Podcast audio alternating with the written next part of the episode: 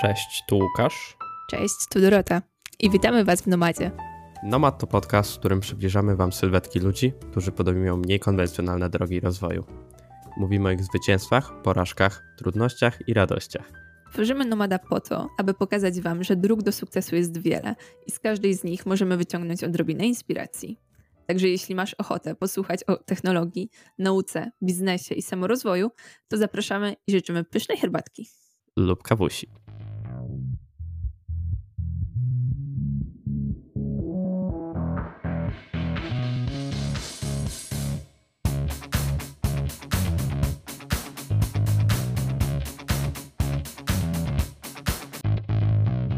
Naszym gościem jest Sergiusz Lebedyn, CEO Delivery Couple, czyli startupu, który dowiezie Wam jedzenie z Waszych ulubionych restauracji z pomocą robotów. Z Sergiuszem mówimy o refleksji oraz o gotowości na zmiany w karierze. Opowiada nam o pokonywaniu granic finansowych, geograficznych i mentalnych. Zapraszamy do słuchania. Na temat refleksji, bo widzę, że refleksja to, to duża rzecz w twoim, w twoim życiu. Samą rozmowę zaczęliśmy od refleksji. E, dużo w Twoim życiu jest takich okresów, w którym jakby planowałeś jakąś zmianę. Na przykład, no wiem, że pracowałeś długo e, na budowie, aby studiować w Polsce. Pracowałeś kilka lat jako software engineer i później zająłeś się stolikiem i teraz delivery. A powiedz mi, i jak ta refleksja ci pomogła podejmować te zmiany i czy w którym momencie wiesz, że jesteś gotowy na, na taką zmianę otoczenia? Zacznijmy od tego może jak, jak to pomogło. Przede wszystkim jakby każdy, tak mi się wydaje, że każdy chciałby przeżyć życie, e, które jak będzie już blisko śmierci, będzie świadomy, że zostało mi nie, 10 lat, 5 lat, rok, to patrząc na swoje życie sobie przemyślał to i powiedział sam sobie, nie komuś, przede wszystkim sam sobie, że przeżyłem to tak, jak chciałem. Naprawdę robiłem to, co chciałem. Popełniłem błędy, ale popełniałem przez to, że chciałem się uczyć. Wyciągałem wnioski, naprawiałem to, więc poza tym, że nigdy nie jest życie idealne i nigdy nic nie idzie zgodnie z planem, dobrze mi się udało, bo byłem. Um, um, działałem w jednym kierunku ze swoimi wartościami i z tym, co naprawdę chciałem robić w życiu. O. A więc to wymaga poznania siebie, żeby być w takim momencie i, i stwierdzić, że wszystko było fajnie. Poznanie siebie. A żeby poznać siebie, e, to właśnie jest wymagana refleksja.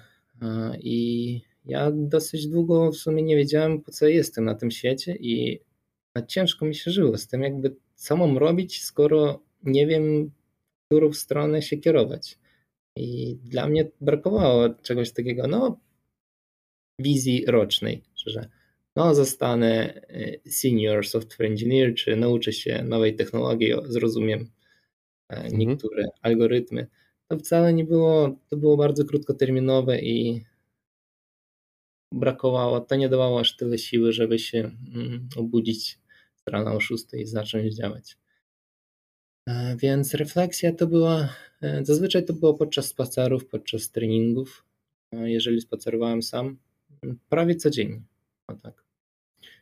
Prawie codziennie. I rozumienie zmiany się wprowadzały właśnie na podstawie tego, że robiłem coś, ale tak naprawdę to nie było to, co chciałem robić, lub nie było to to, co doprowadzi do tego, czego chcę, czyli do tej wizji.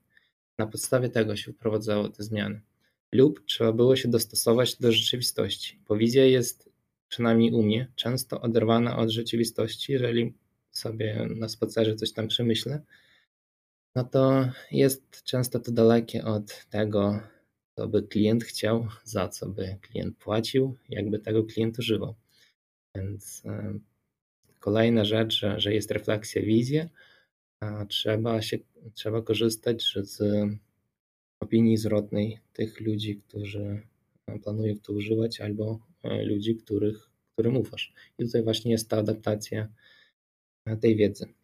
Mm, także refleksja była dosyć e, często i wprowadzałem zmiany wtedy, kiedy czułem, że po refleksji wyciągnąłem wnioski i rozumiem, że to, co robiłem, to nie doprowadzi do tego, czego chcę, lub to, co robiłem, to wcale nie było to, co chciałem robić, tylko tak się zdarzyło.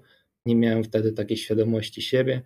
Zacząłem to robić, bo to była pierwsza rzecz, która mi się wydawała, że warto robić. Stąd też moja prosta, krótka rada. Jeżeli ktoś nie wie, czego robić, róbcie to, co jest. Zróbcie sobie listę i róbcie to. Wybierzcie pierwsze po prostu. Lepiej. A, czyli lepszy jest jakiś wybór niż, niż y, taki letarg. Tak.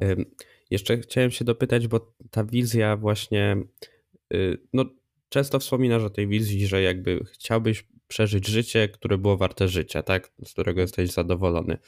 Y, ja zawsze mam taki eksperyment myślowy, że co jeśli miałbyś na przykład odejść 5 lat temu, albo jeśli miałbyś odejść teraz. Bo ja na przykład jak sobie o tym myślę, to no okej, okay, żyję mniej więcej tak, jakbym chciał, ale jednak jest taki niesmak, że, że, ta, że, że, że jakby ta opcja, że yy, przeżyję życie, które chciałbym żyć, bardziej działa, jeśli myślimy o sobie, o jak, jakimś, nie wiem, osobie już dojrzałej, która już porobiła te rzeczy. Czy, ty, te, czy ty też masz tak, że jakbyś, nie wiem, nagle miał odejść, to czy miał być jakiś niesmak, czy byś jakby czuł się ok z tym?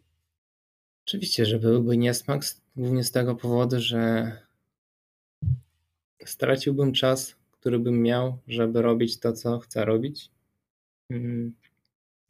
Głównie z tego powodu. Jeżeli bym, jeżeli myśleć jakby trochę wstecz i jeżeli wiem, że niedługo odejdę, to co bym zmienił w swoim życiu, jeżeli by można było wrócić w czasie, nie wiem za bardzo. Jakby to nie, też nie było tak, że nie popełniałem błędów, tylko w tamtym momencie z tym poziomem możliwości, wiedzy, świadomości siebie, zrobiłem to, co mogłem.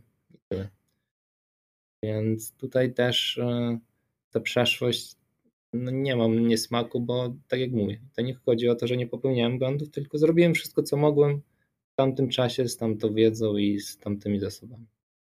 Ja bym chciała jeszcze tutaj zapytać o. Mm, bo, bo wydaje, wydaje mi się, że jesteś dosyć poukładanym człowiekiem i takim um, dbającym o porządek w swoim życiu, jakąś taką um, o po prostu używanie konkretnych narzędzi do rozwiązywania konkretnych problemów. Mam tutaj na myśli na przykład to, jak dużą rolę odgrywa sport w Twoim życiu. I chciałam podpytać, czy na przykład, czy Ty traktujesz właśnie uprawianie sportu, albo czy kiedykolwiek traktowałeś um, uprawianie sportu jako rodzaj pewnej medytacji, czy właśnie um, jakieś takie odprężenie swojego umysłu, żeby potem zebrać siłę na, na jakąś większą refleksję, czy na większą zmianę? Tak, Mm, przez wiele lat to, to właśnie służyło ku temu powodowi, tylko że sam o tym nie wiedziałem e, dłuższy czas. E, ćwiczyłem często sam, rzadko kiedy to były jakieś treningi grupowe. Mówimy tutaj o kalistenicy, o tych drążkach. Ćwiczyłem sam nawet trochę nieświadomie, po prostu często nikt nie chciał ćwiczyć tamte czasy to, co ja robiłem, bardziej e, preferowali piłkę, piłkę nożną. Też grałem, ale, ale rzadziej, jakoś mniej mnie to interesowało, bo zawsze tam było to samo. To było dla mnie no, nudne. No, mhm. Mogło być trochę wariacji oczywiście, ale tam było zbyt dużo e, zasad, jak na mnie, żeby, żeby poczuć taką swobodę. Więc tak, dla mnie sport, kalistenika to to, było taką medytacją, której nie ma granic. Granicą jest właśnie możliwości ciała ludzkiego, fizyki i, i, i tej rurki, e, tak naprawdę tego drążka, bo to są ćwiczenia, bo były z ciężarem własnego ciała na, na drążku. Nie używałem zewnętrznych jakichś, nie wiem, narzędzi dodatkowych. To, to mhm. było na tyle proste. I jak się okazało, można wiele rzeczy tam zrobić, jest bardzo duża przestrzeń do kreatywności. Właśnie co Ci się najbardziej w tym podobało? To znaczy to, że e, z treningu na trening jesteś coraz silniejszy, potrafisz zrobić coraz więcej i że budujesz w pewnym sensie i to swoje ciało, i swoją wytrzymałość, i że po prostu skupiasz się na budowaniu, czy, czy właśnie ta możliwość wolności i, i jakiejś takiej e, ciągłej zmiany? To była możliwość wolności, która była ograniczona tylko możliwościami mojego ciała to tak samo, dlatego też z tego powodu zacząłem programować. To była wolność ograniczona tylko moimi umiejętnościami i wiedzą. Okej, okay, czyli ten taki progres jakby własnych umiejętności i to, że potem z każdym, z każdym kolejnym, nie wiem, napisanym kodem, czy z każdym kolejnym treningiem jesteś w tym coraz lepszy, to jeśli dobrze tak, rozumiem. że mogę, że czuję się tam, to dla mnie był jakiś w jakimś sensie mój, mój taki świat, w którym ja definiowałem, gdzie są granice. Mhm. A nie były z góry jakby zdefiniowane, jak nie wiem, zasady w piłce nożnej. Czyli to nie tak. ty musiałeś się dostosowywać do tego, tylko, tylko ty mogłeś faktycznie. Tak, tak, oczywiście. Jakby w życiu jest dużo zasad, do których trzeba się dostosować, więc ja potrzebowałem czasu, gdzie właśnie tych zasad nie będzie. Nigdy nie miałem planu na trening. Poza tym, że najpierw musi oczywiście być rozgrzewka, a później trening, ale poza tym to, to nie było tak, że teraz robię prostsze, cięższe, dzisiaj biceps, a jutro nogi. To było. Zrobiłem jedno ćwiczenie. W zależności od tego, jak się czuję, robię drugi lub robię nogi. To było tak, co przyjdzie do głowy. Mówiłeś, że rozwijałeś jakąś platformę do e, food delivery na początku i dopiero z tego się zrodziło Delivery Couple. E, przybliżyłbyś nam, czy, czy to był projekt dla klienta, czy to już był twój własny biznes? Jak to, jak to działało? To jest tak, że miesiąc przed COVID-em była platforma Oto Stolik, właśnie do rezerwacji stolików. To już było coś, co rozwijaliśmy pół roku e, po godzinach ze wspólnikiem. Później rzuciliśmy pracę miesiąc przed COVID-em, bo liczyliśmy na to, że wiedzieliśmy, że, że jest tym potencjał i można to rozwijać i wymaga to więcej naszego zaangażowania. Przyszedł COVID i wszystko się zmieniło. Rzuciliśmy pracę i stolików nikt nie rezerwował, bo restauracje były zamknięte, ale była potrzeba właśnie czegoś, mm, przez co klienci będą mogli zamawiać jedzenie z dostawu. To wyszła potrzeba od, od naszych obecnych e, klientów, restauratorów, którzy mieli nasz system do rezerwacji stolików. E, więc to, to był własny projekt. Powstał też ze względu na, na to, co się działo na świecie i na potrzeby klientów. Tak, i to była taka mała platforma do, do zamawiania jedzenia z dostawu. Um, to w takim razie pytanie jest takie, bo rozwijałeś wtedy coś już, co jakby istniało na świecie, tak? Jest dosyć dużo platform do, do, do dostarczania y, jedzenia. A później jakby przeniosłeś to troszkę w, no do, do, doszedły te roboty i to się to jakby zmieniło. Zacząłeś szukać innowacji w tym pomyśle. Tak, czy uważasz, że jakby tempo rozwoju, czy, czy rodzaj, w jakim się rozwijałeś, yy, zmienił się w momencie, w którym jakby wprowadziłeś coś takiego no nowego, tak? Na zasadzie przejście z food delivery na, na dostarczanie robotami, czyli coś, co jest, na coś, czego jest dużo mniej albo nie ma. E, tak. Zmieniło się jak ze strony tak, że jest mniejsza konkurencja, tak i z tego jakby własnych takich potrzeb na, na większą innowację i na bardziej skomplikowany projekt. Bo wtedy zmiana na Food Delivery App to była raczej wymaganie rynkowe. To nie było coś związane z wizją. Po prostu trzeba było szybko reagować i tyle albo umieramy, albo się dostosujemy. Więc zrobiliśmy Food Delivery App, a to się rozwijało wtedy jakby poza tym, że była duża konkurencja, to razem z rynkiem rośliśmy, bo rynek e, cały czas rósł i jakieś tam malutkie ilości zamówień też odbijaliśmy od większych graczy, przez to, że mieliśmy niższą prowizję, a to była największa bolączka i jest nadal restauratorów, mhm. że duże platformy pobierają dużą prowizję. E, więc zmiana doszła właśnie też z takiego rozumienia co chcę robić. Ja nie miałem wizji, jak to skalować globalnie, ten pomysł, chociaż można, po prostu ja nie miałem wizji. ale znowu poznałem głębsze problemy, które mają restauratorzy lub firmy kurierskie, które dostarczają jedzenie, lub aplikacje typu Uber Eats Glovo, którzy zarządzają e, rowerzystami czy tam kierowcami, bo mają też własne floty. I stąd, e, stąd wyszło właśnie to rozwiązanie, które teraz jest jedynym rozwiązaniem, nad innymi rzeczami nie pracuję. Od stycznia się skupiłem na 100% na Delivery Couple. Pozostałe rzeczy istnieją, ale powoli tam umierają. Generują jakieś przychody, natomiast nikt nie jest nastawiony na to, żeby coś tam optymalizować czy rozwijać. Mhm. Delivery Couple jest e, rzecz, nad którą jesteśmy skupieni na 100%.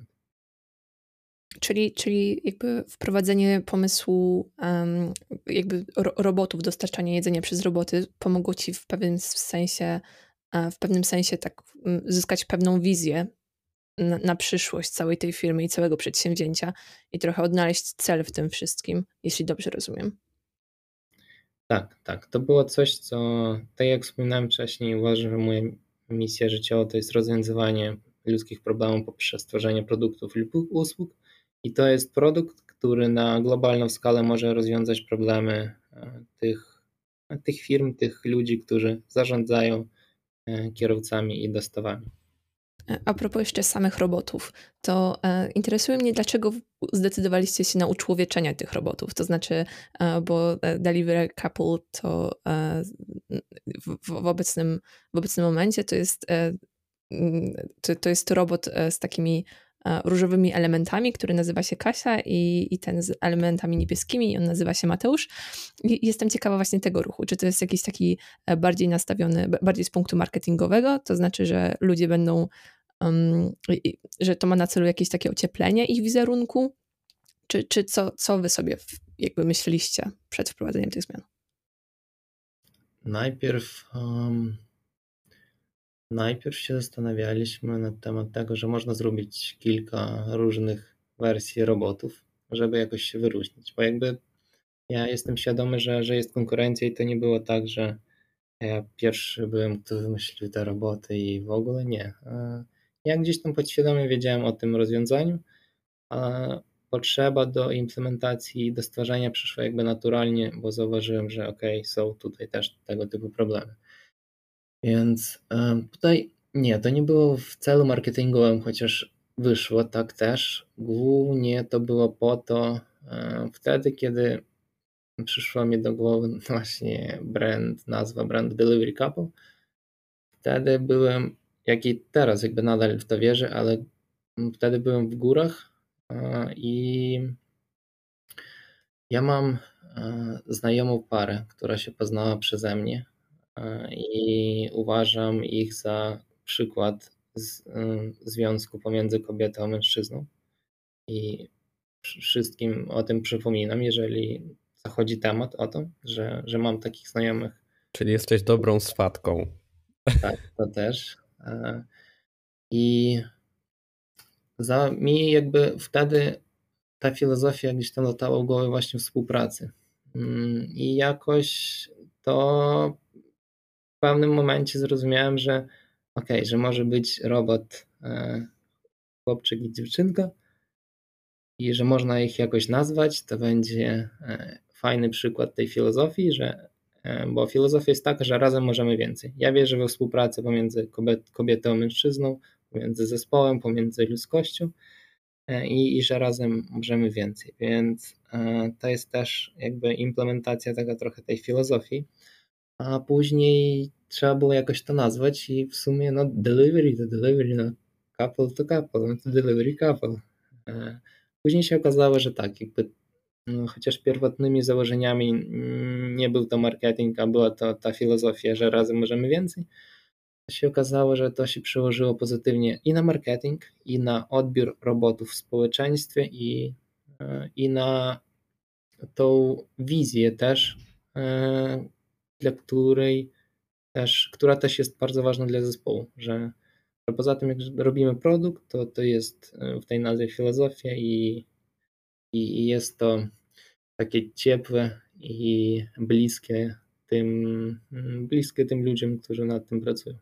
Y, przejdźmy jeszcze troszkę do jakby ograniczeń samych robotów i o tym, jak to wpływa na, na jakby no twoje patrzenie. Na razie roboty mogą poruszać się po chodnikach i po ścieżkach rowerowych, tak? A wiadomo, to jest dosyć e, jakby duża przestrzeń, a jednak ograniczona, no bo roboty drogowe, samochody, jakieś nie, niezaplanowane wydarzenia. Ale też ludzie, po prostu ludzie, którzy chodzą po tych chodnikach. No chyba możemy wszyscy przyznać to, że powiedzmy przejście się warszawskim Nowym Światem w weekend, no to graniczy z cudem, jeśli, jeśli chodzi o wymijanie tych wszystkich ludzi, szczególnie dla robotów. Y, no i właśnie jak uważasz te ograniczenia wpływają dobrze lub źle na rozwój twojego biznesu i jak testowanie samych robotów wygląda? Zacząłbym od tego, że ten rynek dostaw jedzenia, mm, jakby rynek dostaw ogólnie last mile delivery jest duży. Taki podsegment to, jest, to są dostawy jedzenia, dostawy zakupów, które też mm, mniej więcej podobne, ale i też inne. Że to rozwiązanie nie jest czymś, co będzie w stanie zagospodarować cały rynek dostaw jedzenia. Czyli tam nadal będzie miejsce jeszcze dla innego rozwiązania, innego typu, to, to, to, to teraz jest i będzie człowiek, to w przyszłości będą drony i, i, i do tego jeszcze roboty.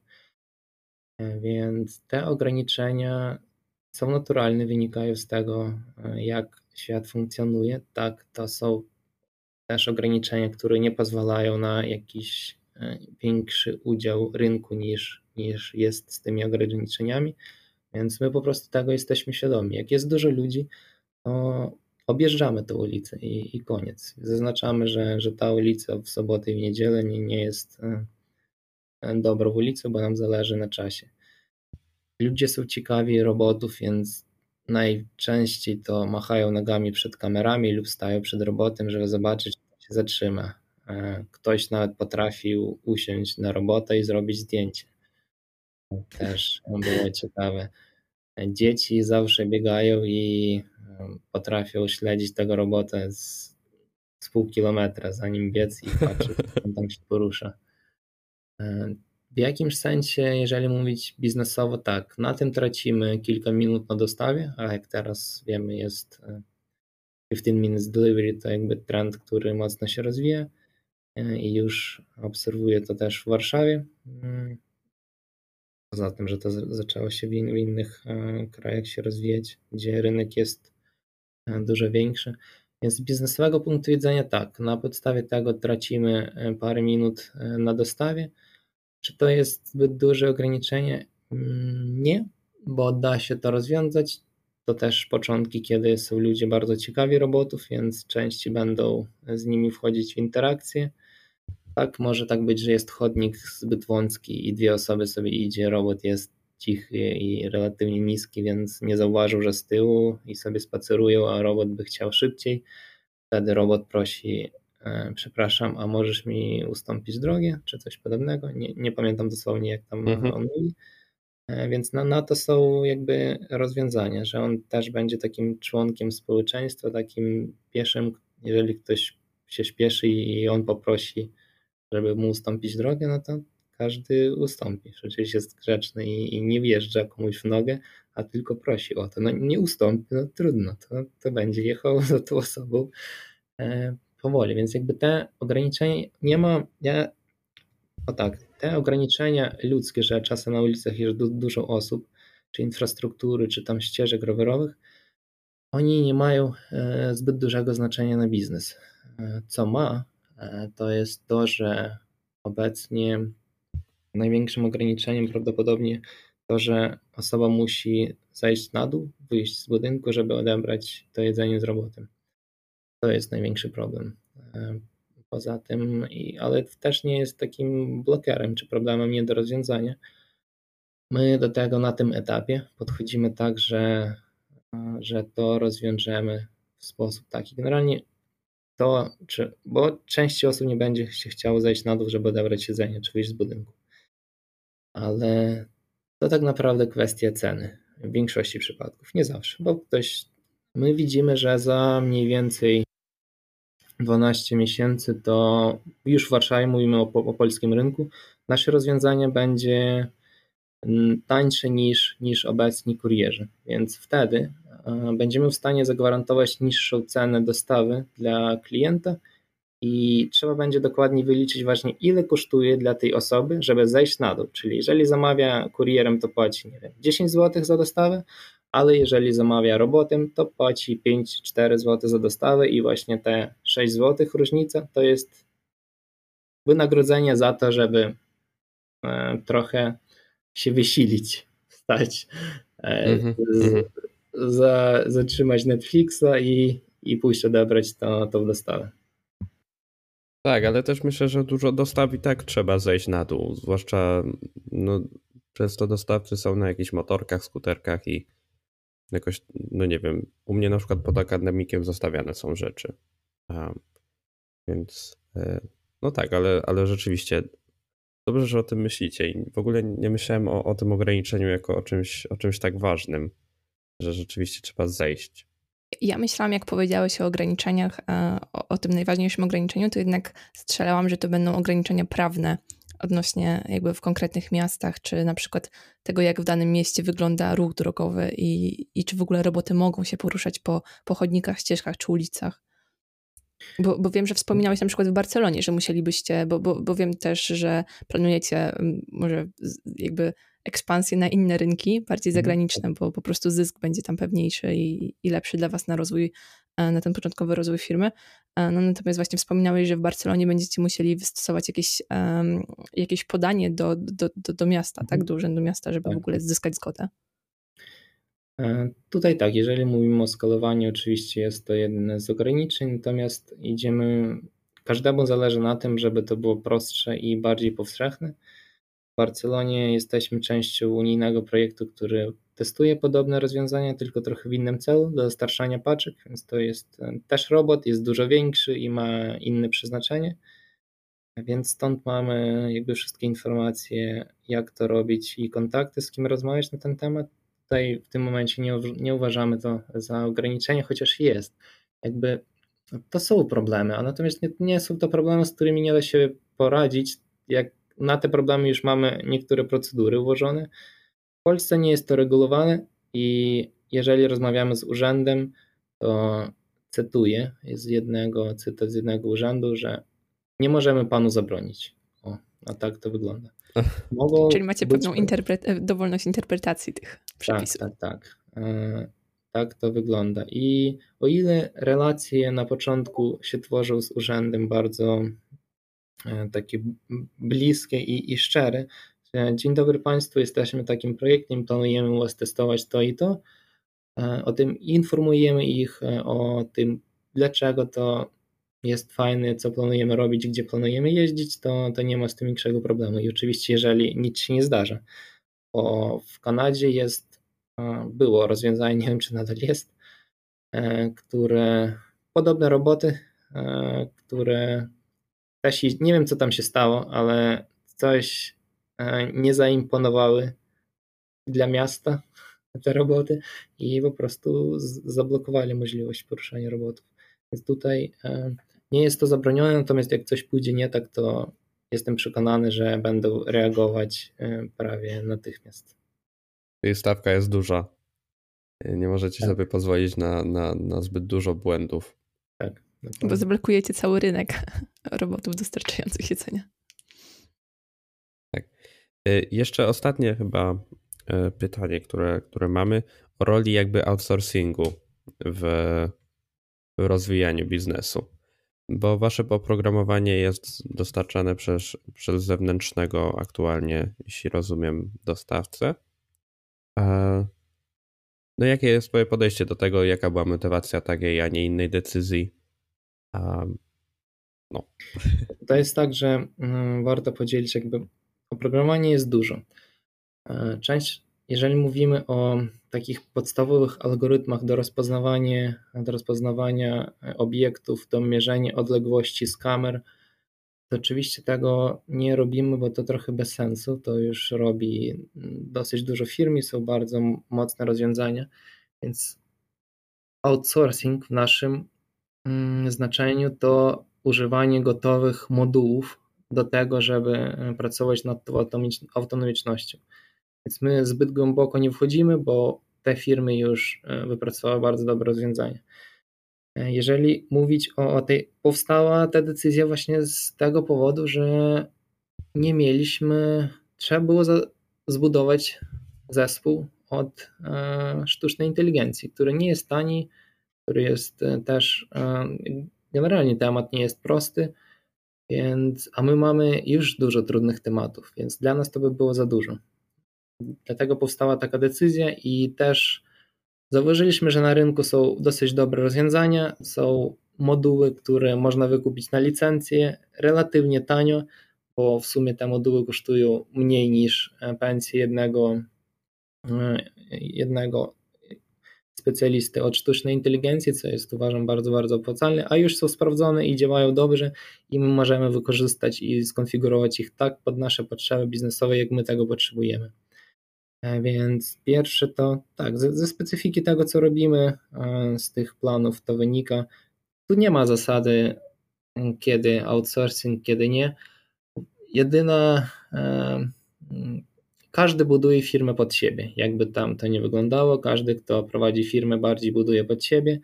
I ja znam na przykład właściciela franszyzy FitCake, który ma już około 60 lokali po całej Polsce i on ma dużo, prawie wszystko w outsourcingu.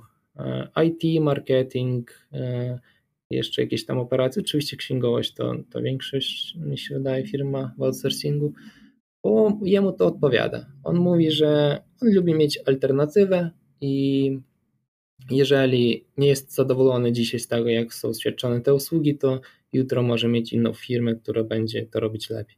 Oczywiście to jest droższe rozwiązanie, ale mu ten sposób odpowiada. Jak my żartowaliśmy tam, że istnieją różne sposoby E, budowanie zespołu, że tam Jeff Bezos, tu pizza Steam i tak dalej, to właśnie on śmiesznie powiedział, ale ja nie chcę myśleć jak tam i ilu pizzami trzeba kogoś nakarmić. Ja sobie mam outsourcing, oni tam myślą jak to trzeba karmić i tak dalej, a ja tylko płacę, płacę fakturę za wypracowane godziny i, i, i mam spokój.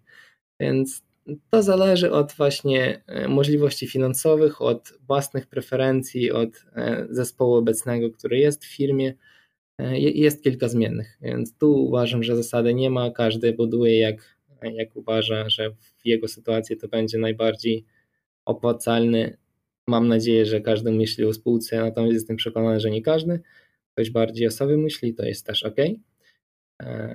Więc ja tu myślałem bardziej o spółce e, i to było czasowo i kosztowo najbardziej efektywnym rozwiązaniem. A czy to dla ciebie była łatwa decyzja, żeby właśnie zdecydować się na pomoc kogoś innego? Bo jednak wydaje mi się, że przynajmniej w tych początkowych stadiach rozwoju jakiegoś biznesu um, dosyć popularny jest ten schemat właśnie robienia wszystkiego samodzielnie i, i trochę granie takiej samosi w tym wszystkim. Czy to było, i, i, czy w ogóle w życiu jest dla ciebie łatwe delegowanie e, obowiązków innym? Jak do tego podchodzisz? Oczywiście, że to było na początku bardzo trudne.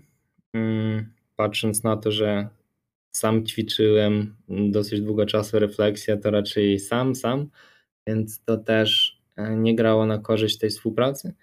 Natomiast w trakcie budowania e, różnych rzeczy i tego do stolika i, i później aplikacji do zamawiania jedzenia, e, przyszła świadomość tego, że każdy ma 24 godziny. Więc nie, nie było to łatwe. Nie było łatwe w ogóle przekształcanie się z osoby technicznej do bardziej biznesowej i utrzymywanie tych dwóch światów i godzenie, godzenie między sobą tych dwóch światów. Było to trudne. Jedna e, z trudniejszych rzeczy, ale właśnie trudność polegała na tym, że musi być dyscyplina i trzeba było pamiętać o niektórych rzeczach codziennie w ciągu kilku lat. E, spisywać to do listy dla siebie, codziennie, jakby nie zaczynać. Ja nie zaczynam dnia, jeżeli nie mam spisanej listy. Uważam, że e, myślenie o tym, co robić dalej, to, to jest e, stratą czasu. Jakby generalnie, jeżeli albo jest czas wydzielony na to, kiedy myślimy, co robić dalej, ale jeżeli to jest, jest execution, no to podczas e, wykonywania to jest strata czasu, żeby myśleć, co robić dalej, bo, bo co decyzje na, na temat tego, co robić dalej, powinny się podejmować w odpowiednim środowisku, w odpowiedni czas, z odpowiednimi osobami, ale nie podczas tego, kiedy o, dobre, to zrobiłem, a co dalej? No w sumie to można to. Nie. No i więc, mają taką listę, mając taką listę, jestem świadomy, że no tego wszystkiego nie zrobię, już zaczynając od takiego bottom-up e, podejścia. I tu mam rzeczy, które ta osoba zrobi szybciej, lepiej, a tutaj inna osoba zrobi szybciej, lepiej. A więc to, to było trudne, tak, to zajęło dosyć dużo czasu. Jakby nawet w jakimś sensie nadal e, tego się uczy, bym powiedział. Jeszcze doprecyzuję. Masz na myśli spisanie listy mm, rzeczy, które chcesz zrobić z danego dnia, czy jakichś swoich planów, celi, czy, czy właśnie to jest refleksja a propos tego, co się stało? Danego dnia, tak. E, danego dnia. E, I tu, jeżeli mówimy o delegowaniu, to tak.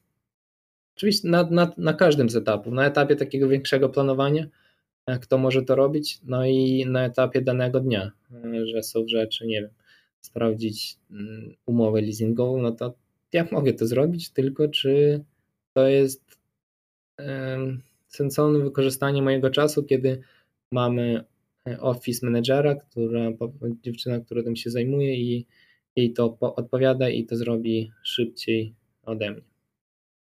Tak, tak. Ja, ja też mam takie identyczne listy.